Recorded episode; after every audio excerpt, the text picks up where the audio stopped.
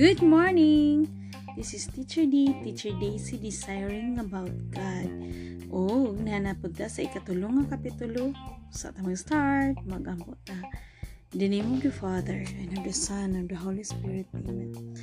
Heavenly Father, we thank you for the love, the boundless, the infinite gift of life that you have given us though our body might end but the spirit is has a life uh, you plan for us. Please uh, give us enough understanding. Help us understand open our eyes open our ears and may please use our our mouth to share to other people. Tabangi mi Lord nga makapa-share pa ngadto sa uban ug tabangi usab kami uh, through the name of Jesus Christ nga mas malig-on pa ang pagtuo.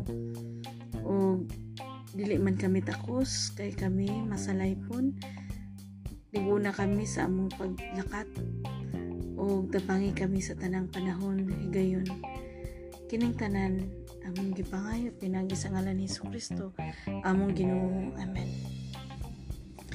Sa samahan sana sa Diyos Santa. Amen. Ang ngayong balita mahitungod kang Iso Kristo, Kapitulo 3. Sumala sa Ebanghelyo ni San Lucas. Ang pagwali ni Juan nga magbubunyag. Versikulo 1 hangtod sa 20. Ikanapulog lima katuig kato sa pagmando ni Emperador Tiberius Si Poncio Pilato mo ay gobernador sa Hudiya. Si Herodes mo ay nagmando sa Galilea ug si Felipe nga iyang igsoon mo ay pangulo sa kayutaan sa Itoria ug sa Traconite Traconite samtang si Lisanias mo ay namunuan sa Al Abilina. Si Ananas o si Caiphas mo ay mga pangulong pare. Nining gayong panahon na ang mensahe sa Dios miabot kang Juan nga anak ni Zacarias dito sa dapit nga waaw. Busa giluko pagtaak ni Juan ang tibuok kayutaan nga kasikbit sa suba sa Hordan ug nagwali siya. Siya miingon, Hinulsuli biyai ang inyong mga sala ug pabunyag kamo ug pasayloon kamo sa Dios. Sumala ni propeta Isaiah sa iyang basahon may nagsinggit dito sa kamingawan, andaman ninyo ang dalan alang sa Ginoo. Himuang tulid ang iyang agianan, abunuhin ninyo ang tanang walog, pataga ang tanang bungtod ug bukid. Tulira ang mga nagliko-likong dalan, dalan, hapsaya ang mga libaungong dalan, ug makita sa tanang tao ang kaluwasan gikan sa Dios.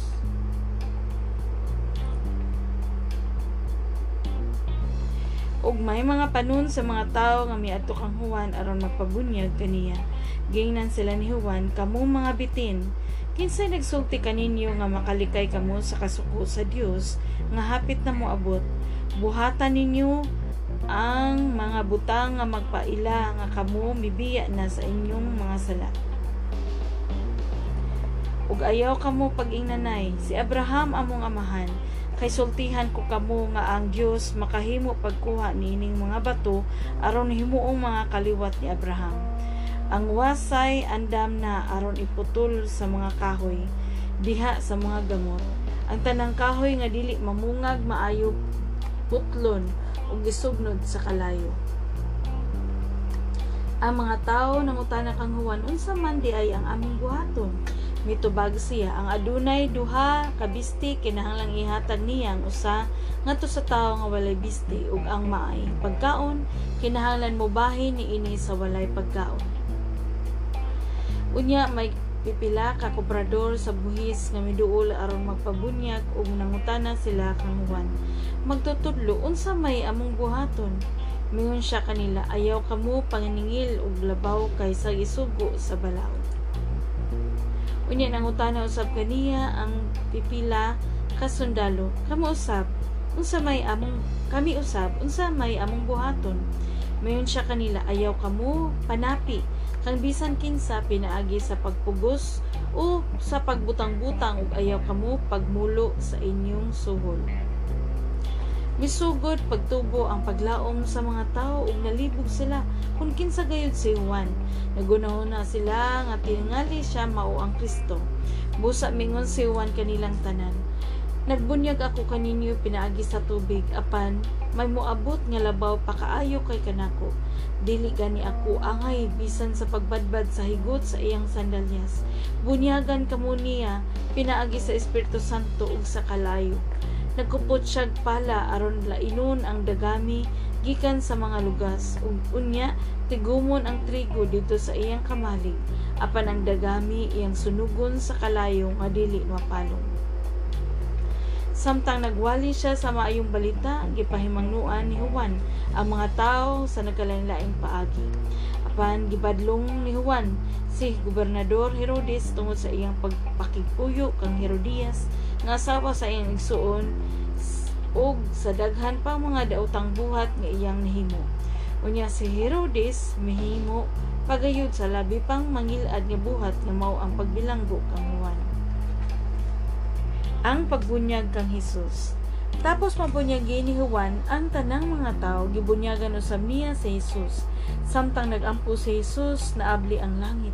Umikunsad kani ang Espiritu Santo ug dag, sa dagway sa usa ka salampati. Unya nabati ang usa ka tingog gikan sa langit nga naging Ikaw mao ang pinangga kong anak. Nalipay kaayo ako kanya. Ang kagikan ni Hesus Kapitulo 23 hangtod sa 38.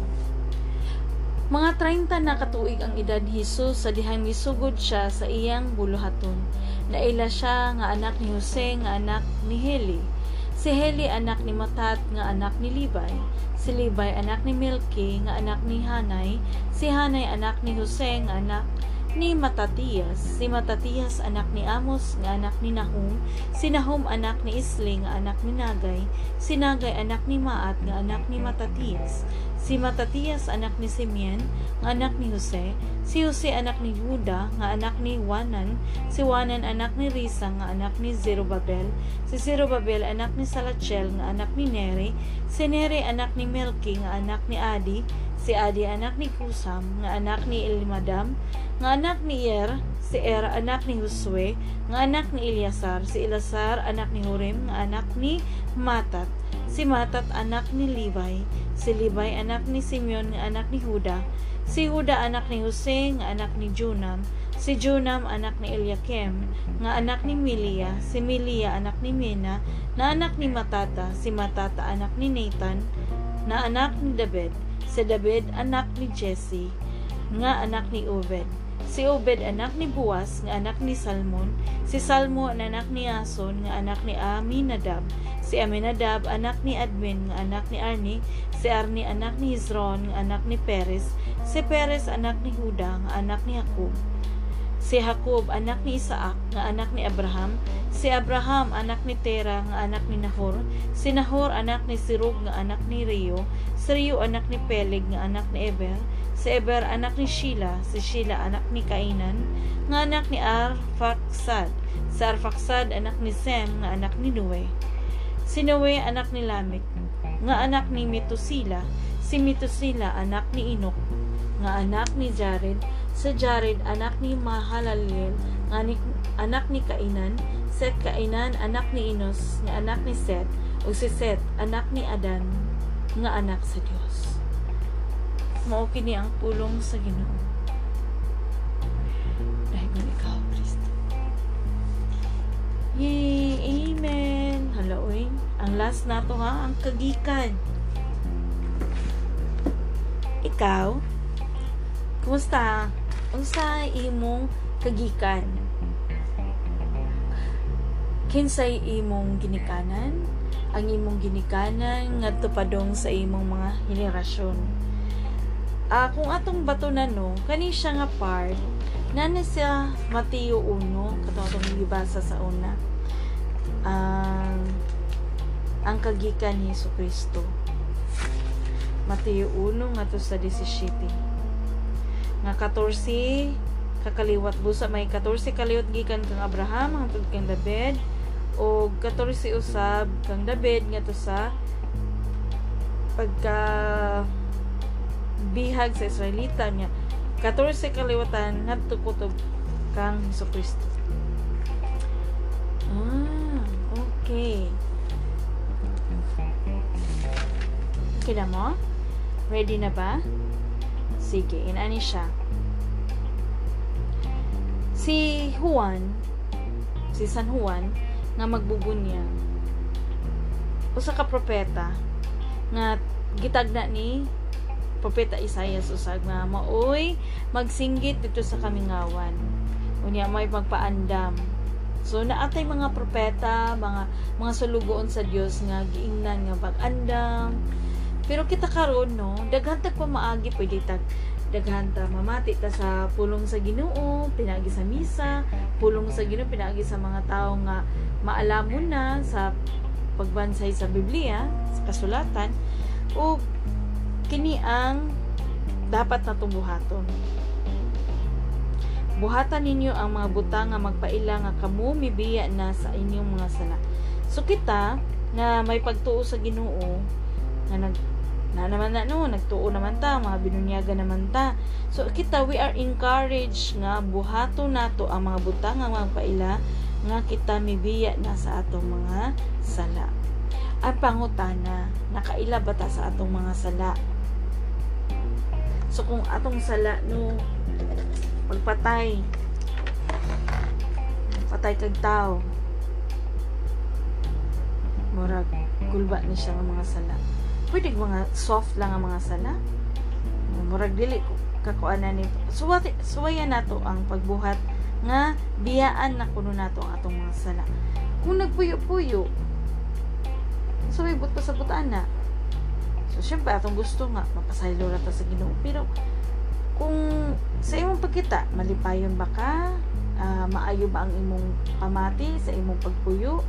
Sa kamong duha? Wa ba mo maka maka-feel o konsensya? Kay ang konsensya mo ay magistorya nato kung sakto ba atong gibuhat. Dili ako mo storya ninyo ha? Kay ako way ako'y sada nga paghukom ang Ginoo pero ako lang kanang ayaw paghuwat sa hukom sa Ginoo kay ang hukom sa Ginoo no? Kanang daan na gipadayag na istorya na. Na nagingon nimo nga kaila mga ligon nga nagtuo sa Ginoo ikaw naara na sa imong konsensya unsay naa sa espiritu nga kwan tawaga iampo oo unsay istorya sa Ginoo diha kanimo. Kay ngon pa di man ta pwede mag uwes atong isig ka tao di man ta pwede mo kuan. Kay ikaw kung maoy mo kuwis sa imong isig ka tao kulba ikaw pod ang unsay klase ang paghuwis nimo mo pod ang i, i hatag kanimo Oo. Yung pa sa Mateo City, versikulo 1, mayon siya dire. Basahon na to ha. Ayaw ninyo hukmi ang uban aron dili ka muhukman sa Dios. So ang paghukom nato sa uban mao'y paghukom pod nato sa ang hukom nga ihatag pod nato sa Dios. Mga reta sa city ha. City city pangayo kamo ug gatagan pangita ug kamo makakaplag panuktok ug ang pultahan ablihan alang kanini. So pangayoon nato ang grasya sa Ginoo nga pinaagi sa Espiritu Santo makabuot nato ang unsa nga mga butang nga mga buhat nga makapa himaya sa Dios kay di ba ang atong gibasa kaganina o kagahapon rather ang katong ang kahimutan. Gusto ka bang kahimutan Hari na lang ta sa tawhanon kahimuot. Kung gusto nato sa kung naay mga bana, gusto ka bang kahimutan sa imong bana? So, unsa man makapahimuot sa imong bana? Or sa imong asawa? Unsa man makapahimuot sa imong asawa? Gusto ka bang kahimutan? Sa imong mga ginikanan? Unsa makapahimuot sa imong ginikanan? Mupod siguro ka na ang atong klase nga pagpuyo nga atong buhaton sa atong pagtuo diha ni Hesus Kristo. Diba? Mura bag reminder lang ni nato tanan. Ako apil ko ni ani reminder lang sab ni nako nga unsay makapahimuot. So ah, sakit sakit bation nga na mga tao sa atong palibot nga mahimong instrumento nga gamiton no gamiton nga biay-biayon ta gamiton nga pakauwawan ta gamiton nga dauton ta. So biay-biay dauton.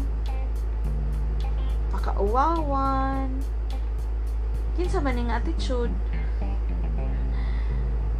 Para asa man ni? Mo ba ni ang attitude sa atong Ginoo? Kita kay mga adopted sons and daughter. Mga kita karon nga nagtuo ni Kristo mga giatagad na kita nga mga anak sa Dios so kung kinsa nga atong amahan kung ang atong kinaiya maayo kay maayo ang imong amahan. Kung dili maayo ang atong mga kinaiya basin dili na mao ang among gitagad nga Dios basin ang atong mga Dios nato lahi na. Basin nga ni kita na nihimong Dios atong kinabuhi mao nang dili na kita mahimong maayo sa atong isig ka tao. Oo. So, naay mga reminder si San Juan nga dapat natong sundon pero ingon siya dire kita karon na naman ta sa panahon nga kailan na ni Hesus Kristo unsa iyang gibuhat. Nya na siya mga teaching unsay atong sundon. So kung wala ta magbuhat ni ana ang akong pangutana is kagid sa mangka asa manggayud ka? Asa manggayud ta ani? Di ba kinalan kinalan sure gud ka?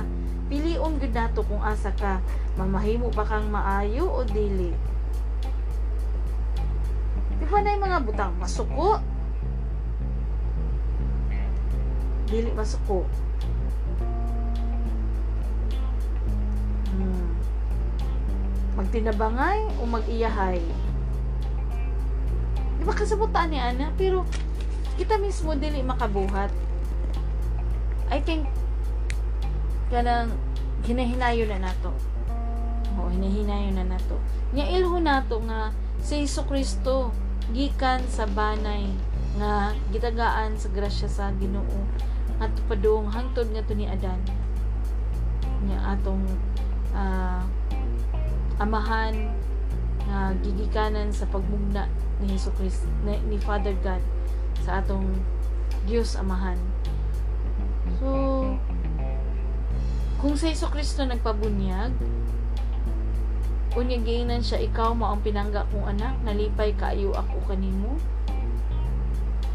Oh bisan di na lang taing nga pinangga ikaw mao ang akong anak nalipay kaayo ako kanimo so morag mao siguro na dapat dapat natong hinahinayon nga malipay ang atong Ginoo kanato ang Dios amahan malipay kanato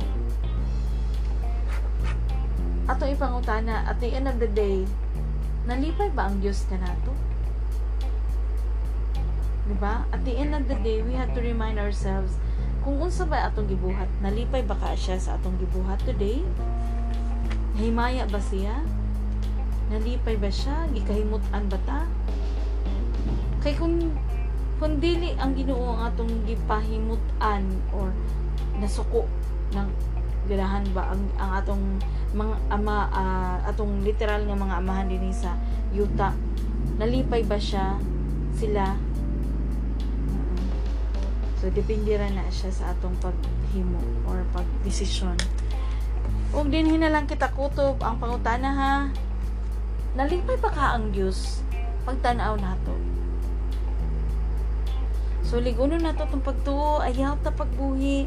Padayon ta sa atong pakig. Sandurot pakigmaayong pagtagad sa usag-usa. Kining tanan dili nato mahimo kung dili nato pangayoon ang grasya sa Ginoo nga sa atong paginihinay sa pagpuyo mahinangpon kita. Nga at the end of the day at the end of the day moabot man si Hesus Kristo karon unya ugma andam na ta. Andam na ba ta? Kung ako yung mong pangutanon kung andam na ba ko? Yes. Kay kaning tanan nga ako nakita dinhi sa akong mga mata sa akong palibot. Naapay las, mas labaw nga grasya nga gihatag gitaganan ni Hesus Kristo ug kana may akong gihinango.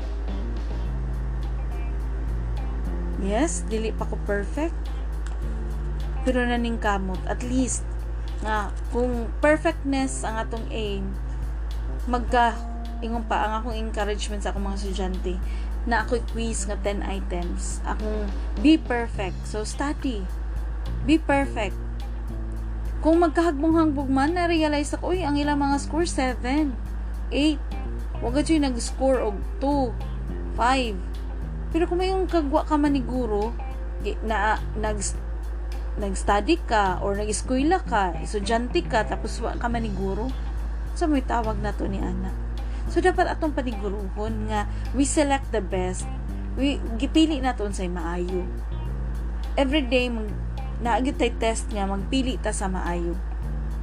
So kumusta man ang imong pagpili? So dinhi na lang kita kutob ug magampo kita. Amahan namo. Nga naa sa langit. Balaano ng imong ngalan, maghari ka kanamo ug tumano ng imong pagbuot? Dinhi sa yuta. Sa mga gituman kini dito sa langit. Ihatag kanamo ang pagkaon nga among gikinahanglan karong adlaw ug pasaloa kami sa among mga sala. Sa mga kami nagpasaylo sa mga nakasala kanamo ayaw kami itugyan sa pagsulay. Luwasay noon kami gikan sa dautan. Kay imo ang gingarian ang gahom ug ang himaya. Hangtod sa kahangturan amen. Maghimaya ka Maria na puno ka sa grasya. Ang Ginoong Dios manaka nimo. Bulahan ikaw sa mga bayan tanan, bulahan mo sa abang bunga, siya nga sa Jesus. Santa Maria, inan ka sa Diyos, igampo mo kaming mga makasasala, karunog sa oras sa mo ikamatay. Amen. Himaya, samahan sa anak sa Diyos Espiritu Santo, maing sa sinugdan karon sa gihapon, sa mga katuigan nga wala katapusan nga tanan. Amen. Saan samahan sa anak sa Diyos Espiritu Santo. Amen. Kinito si Teacher D, Teacher Daisy, desiring about God. God bless! Bye!